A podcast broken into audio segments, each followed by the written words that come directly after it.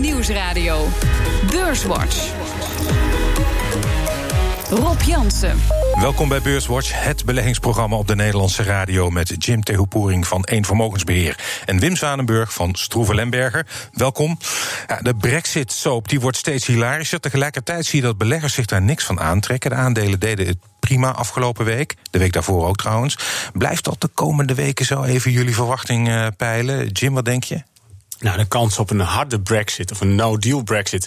die lijkt steeds verder uh, af te nemen. Ja. Uh, Boris Johnson gelooft er misschien nog in, maar beleggers niet meer. En dat geeft echt wel wat lucht op de financiële markt. Hoe zie jij dat, Wim? Ja, ik denk niet dat de brexit de alles overheersende factor was de afgelopen week. Ik denk toch het feit dat uh, in ieder geval Amerikanen en Chinezen het eens zijn geworden over een datum waarop ze weer de handelsbesprekingen zullen voortzetten, dat dat toch wel veel meer bepalend is. En met die positieve golf is, ja, ook, de, zijn ook de Europese Amerikaanse beurzen gestegen. Het was de week waarin premier Boris Johnson een verloren strijd voerde tegen de oppositie in het Britse parlement. Last night, Jeremy Corbyn and others voted to wreck the chance of a deal. Their new law tries to force the government to go to Brussels, beg for another delay until 2020, or for as long as Brussels demands. People don't want another pointless delay. En de banengroei in Amerika zwakt af, ondanks de 20.000 extra banen die de overheid creëerde. 130,000 non-farm payrolls rose by 130,000 jobs in August, missing expectations. The unemployment rate unchanged at 3.7%. En Nout Welling, oud-president van de Nederlandse Bank, is ook niet erg optimistisch over de economie. Gelet op de veelheid van risico's, denk ik dat het bijna onvermijdelijk is. Ergens met één van die risico's gaat het, gaat het mis.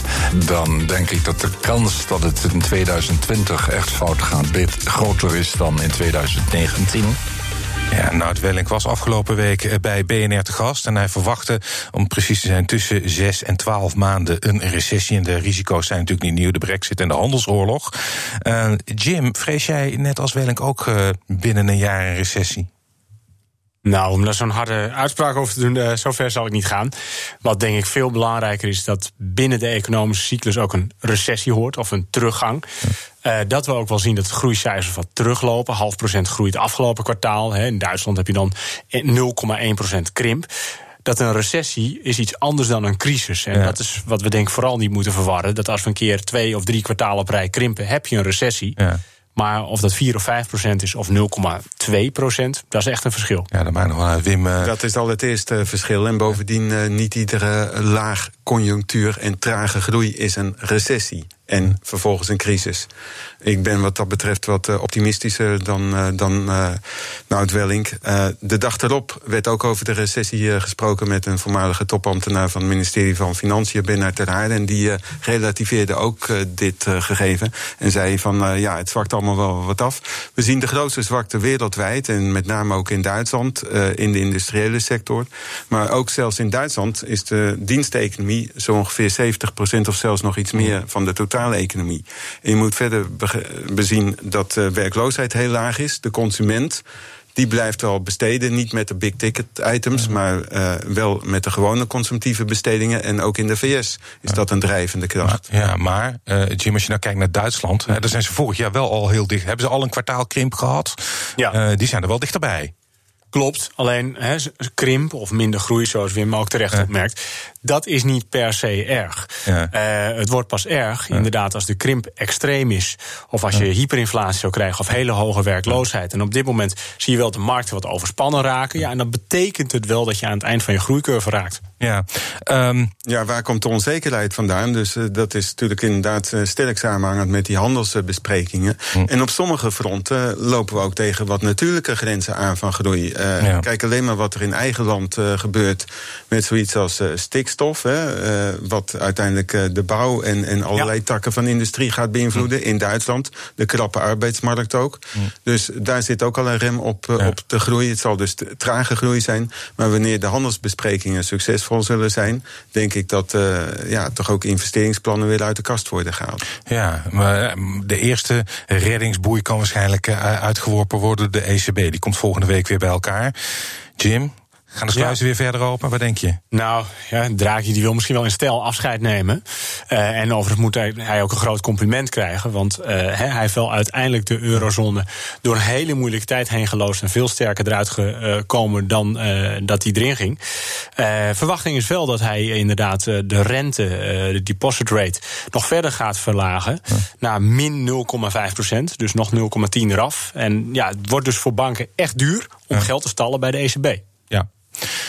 Ik denk dat uh, ook gekeken moet worden naar het uh, fiscale beleid, het begrotingsbeleid. En de Duitsers uh, kunnen zeker nog wat meer doen. En die moeten ook wat doen om zeg maar, de structuur van de economie te verbeteren, te vergroenen, te verduurzamen. En ook de infrastructuur en de digitalisering een impuls te geven. En er wordt in Duitsland toch al wel over gesproken, ondanks het feit dat men daar, ja, vooral ook in de kringen van Merkel en zeker de CSU in Bayern aan de zwarte nul vast wil houden. Maar ja, uh, er is uh, ruimte daar om uh, de overheidsbestedingen ook wat op te voeren. Hm. Jim, we hoorden net ook al even uh, Boris Johnson. Ja. Uh, het is, uh, de, ik dacht dat het niet gekker kon in Engeland, maar die soap die, die wordt steeds gekker. dan zie je dat de markten, in ieder geval aandelenbeleggers, dat redelijk makkelijk absorberen. Is het bij jou ook op de achtergrond of, of zie jij daar toch nog wel problemen? Nou, kijk, je ziet vooral pond reageren. Het probleem wordt wat softer weer. Ja. De harde brexit die moet bijna wel worden afge, uh, afgewend. Ja. Uh, 31 oktober, uh, nou, die datum is uh, inmiddels eigenlijk die kan je niet halen, is inzicht en dat gaat niet gehaald worden. Waarschijnlijk moet Boris Johnson met de uh, staart tussen de benen terug naar de Europese Unie en weer uitstel vragen. Ja. Hij claimt zelf nog dat hij uh, wel nieuwe verkiezingen kan uitschrijven. Daarvoor heeft hij twee derde meerderheid nodig. Zeer onwaarschijnlijk. Uh, vandaag is dan weer een wet aangenomen door de House of Lords. Die een harde brexit onmogelijk maakt. Nou, het is inderdaad een soap. Ja. Uh, wat ik eerder altijd dacht is dat het Verenigd Koninkrijk zelf het hardst zou worden getroffen bij een harde brexit. Ja. Uiteindelijk is het natuurlijk voor de handelsverhoudingen en de handelsactiviteit veel beter als het Verenigd Koninkrijk wel binnen de Unie blijft. Ja. Uh, nou, wel binnen de Unie. Uh, Wim, denk jij dat dat nog een uitkomst kan worden op de lange termijn? Dat ze binnen de Unie blijven? Ik denk op langere termijn niet. En bovendien, ja, uh, aanvankelijk was ik absoluut voor Remain. Ja. En per saldo is dat denk ik ook wel het beste. Maar jarenlang een blok aan het been bij de rest van de Europese Unie. Hoe, hoe dit ook de besluitvorming en alle debatten helemaal heeft overheerst. de afgelopen, nou bijna al ja. drieënhalf jaar. Sinds juni 2016, hè? Ja. Er kan nog een no-deal komen als uh, uh, Brussel zegt uh, van nou ja, leuk dat je uit, maar je bent ja. drie jaar bezig geweest, is mooi geweest. Nee, ik denk dat, dat men die trekken niet durft over te halen in Brussel. Nee? Nee. Ja, je kan het niet framen als de schuld van de EU als het dadelijk misgaat. Hè? Ik bedoel. Nee, maar zouden ze dat doen, dan zou het echt een puur politiek spel zijn. Ja. Waarbij de ratio volledig zoek is. Hm. Nou, die, ja, die is, is toch wel zoek. Het is toch al emotie. Uh, ja. Rationaliteit, uh, dat telt eigenlijk nauwelijks meer. Het is een culturele uh, keuze. Um. Even terug naar de beurs. Uh, uh, zoals eerlijk gezegd, hè, beleggers zijn deze week goed geluimd. De eerste week van september laat een mooie plus zien. Statistisch is het wel de slechtste maand eigenlijk. In, in, ik geloof in 75% van de gevallen sluit hij in de min. Um, Jim, um, mooi instapmoment, wat denk je? Ja, kijk, ik moet eerlijk zeggen dat uh, de statistiek waar jij nu mee aankomt, die is ja. voor mij nieuw. Um, ik, ik denk als belegger ook niet ja. zo dat je de markt zou moeten timen en in ja. september erin. En dan he, en je krijgt straks als January goes, goes the year. Dus ja, als januari is slecht, moet ik er zeker weer uit. dus ik kijk liever inderdaad naar het fundament van bedrijven, bedrijven en de economie. En dan denk ik nog steeds dat er uh, ja, ook voor de aandelenmarkt wel de beste potentie op dit als moment je, Als je twaalf maanden vooruit kijkt, hè, dan zit op dit moment in de taxaties toch wel uh, ingelegd dat het uh, groeitempo weer gaat uh, aantrekken. En dat was een jaar geleden niet zo. En toen zagen we echt een, een, een winstverzwakking, een groeiverzwakking komen, ongeacht de onzekerheden. Maar dat kan toch alleen als, als die handelsoorlog binnen echt afzienbare tijd wordt opgelost, of niet? Uh, we starten, hè, de, de, industriële activiteit die is nu ook daadwerkelijk al, uh, al teruggevallen. Uh, de wereldhandel die groeit wel, maar dat stagneert eigenlijk. Nou, dat kan ook van alle kanten weer een impuls krijgen. Je weet bijvoorbeeld ook dat de VS en Japan bijvoorbeeld een akkoord hebben gesloten. Hm. Zo gaat het ook wel eens uh, buiten de VS en China om. dus nou, als je kijkt naar de winstgroei van, van het bedrijfsleven, dan, dan zit daar dus het, het momentum in. Een andere belangrijke factor. Vorig jaar toen spraken we omstreeks deze tijd in september of de Amerikaanse rente niet boven de 3,5 zou uitkomen richting 4. Hij is nu voor de tienjarige onder de 2. Ja. Dus beleggers hebben eigenlijk ook geen alternatief. Dat is een belangrijk verschil met uh, vorig jaar. De Europese rentes die zijn ook nog verder omlaag uh, gekomen. En die Dus, bodem die blijft misschien nog wel even uh, doorduren. Hè? Want de, de, de verwachting, Jim, is dat die rente voor langere termijn laag blijft. Denk jij dat ook? Ja, je ziet het als je kijkt naar de forward rates. Um, ja, en op dit moment is dat ook eigenlijk het instrument om verder nog te stimuleren. Ja. Ja, kijk, je kunt je natuurlijk wel afvragen: rol je de bal dan niet verder vooruit en Ja. schuif je het probleem vooruit? Dat is wel waar uh, Wellink, eh, om even op hem terug te komen, ook voor waarschuwt. Uh, aan de andere kant, uh, als je nu inderdaad kijkt naar wat de yield nog is op bijvoorbeeld de aandelen. Ja. als je kijkt naar waardering van aandelen en je zet dat af tegen de risicovrije rente, ja, dan zit daar nog wel potentieel in. Hm. Zometeen praten we verder over beurs en economie. Onder andere over de komst van internetreus Prozus naar het Damrak. BNR Nieuwsradio. BNR Beurswatch. We bespreken de belangrijkste beursontwikkelingen van deze week. Dat doe ik met Jim Theopoering van Eén Vermogensbeheer. En Wim Zwanenburg van Stroeve Lemberger. Eerst maken we de balans op van de afgelopen week. De AEX die sloot op 569,8 punten. Dat is 2,1% hoger dan vorige week. Stijgers. Op 1 ASML met een plus van 7,4 procent. Op 2 ArcelorMittal kreeg er deze week 7, 6 procent bij. En ING kreeg er deze week 4,4 procent bij. En de midcap was deze week het best presterende aandeel Aperam met een plus van 9,1 procent. Dalers. Dalers. Dalers. Op 1 de grootste daler op weekbasis Takeaway.com met een min van 3,9 procent. Op 2 Galapagos met een min van 3,5 procent. En KPN verloor op weekbasis 2,2 procent.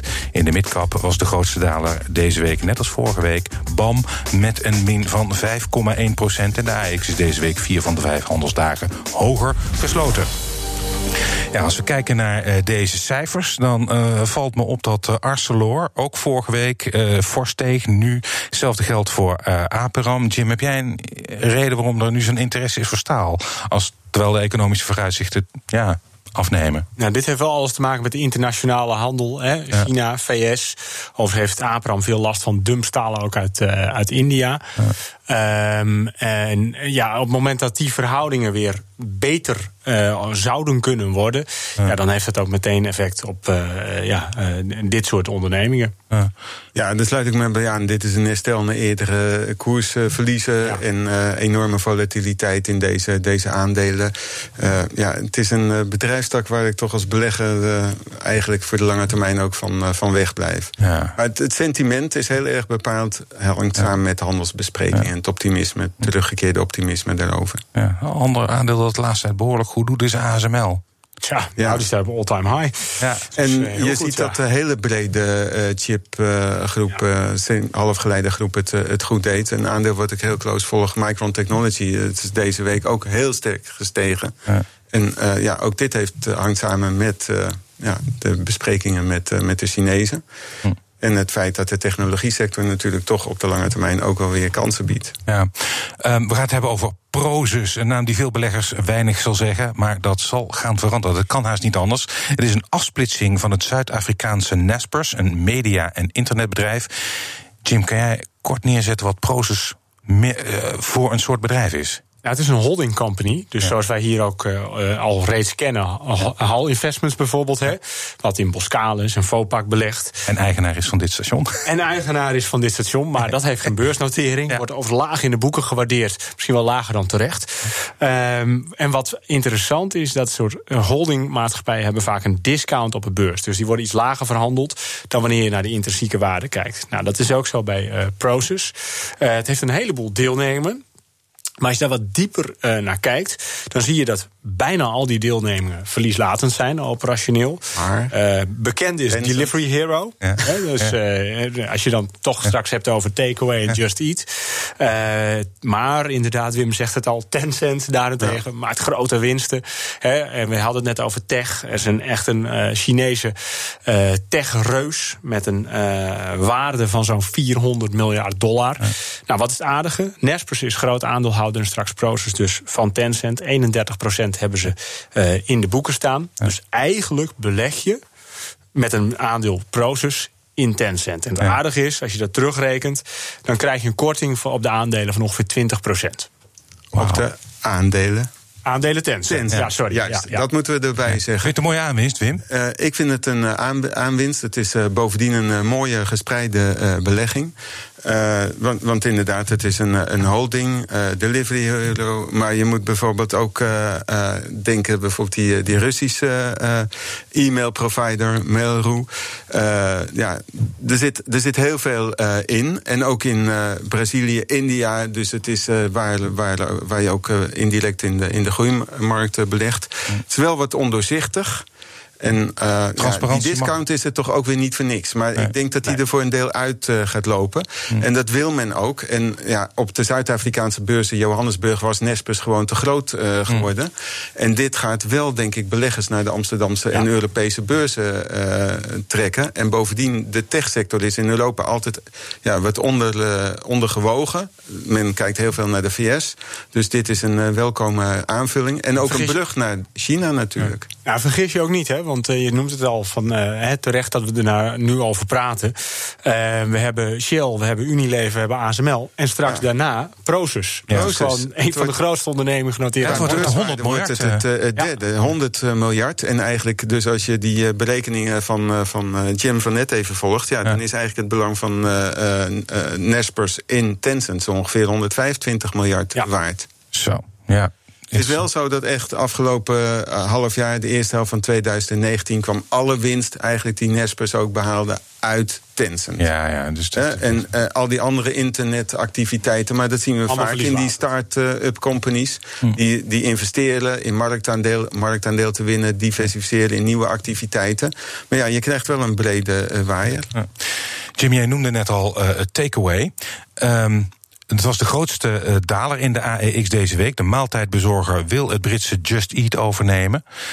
Maar sommige aandeelhouders verzetten zich daartegen. Ja. Hoe, hoe groot acht je de kans dat dat nog doorgaat? Of moet er een hoger bod komen? Of, wat denk je? Nou, eigenlijk het is een heel mooi bruggetje eigenlijk weer naar Nespers en Proces. Want hè, eh, we noemden al eventjes dat ze Delivery Hero in, eh, een belang daarin hebben. Ja. En Proces zou dus volgens die, dit hedge fund moeten optreden als potentiële koper van Just Eat. Nou, Ja. ik denk dat dat niet gaat gebeuren en dat Takeaway en Just Eat gewoon eh, samen gaan.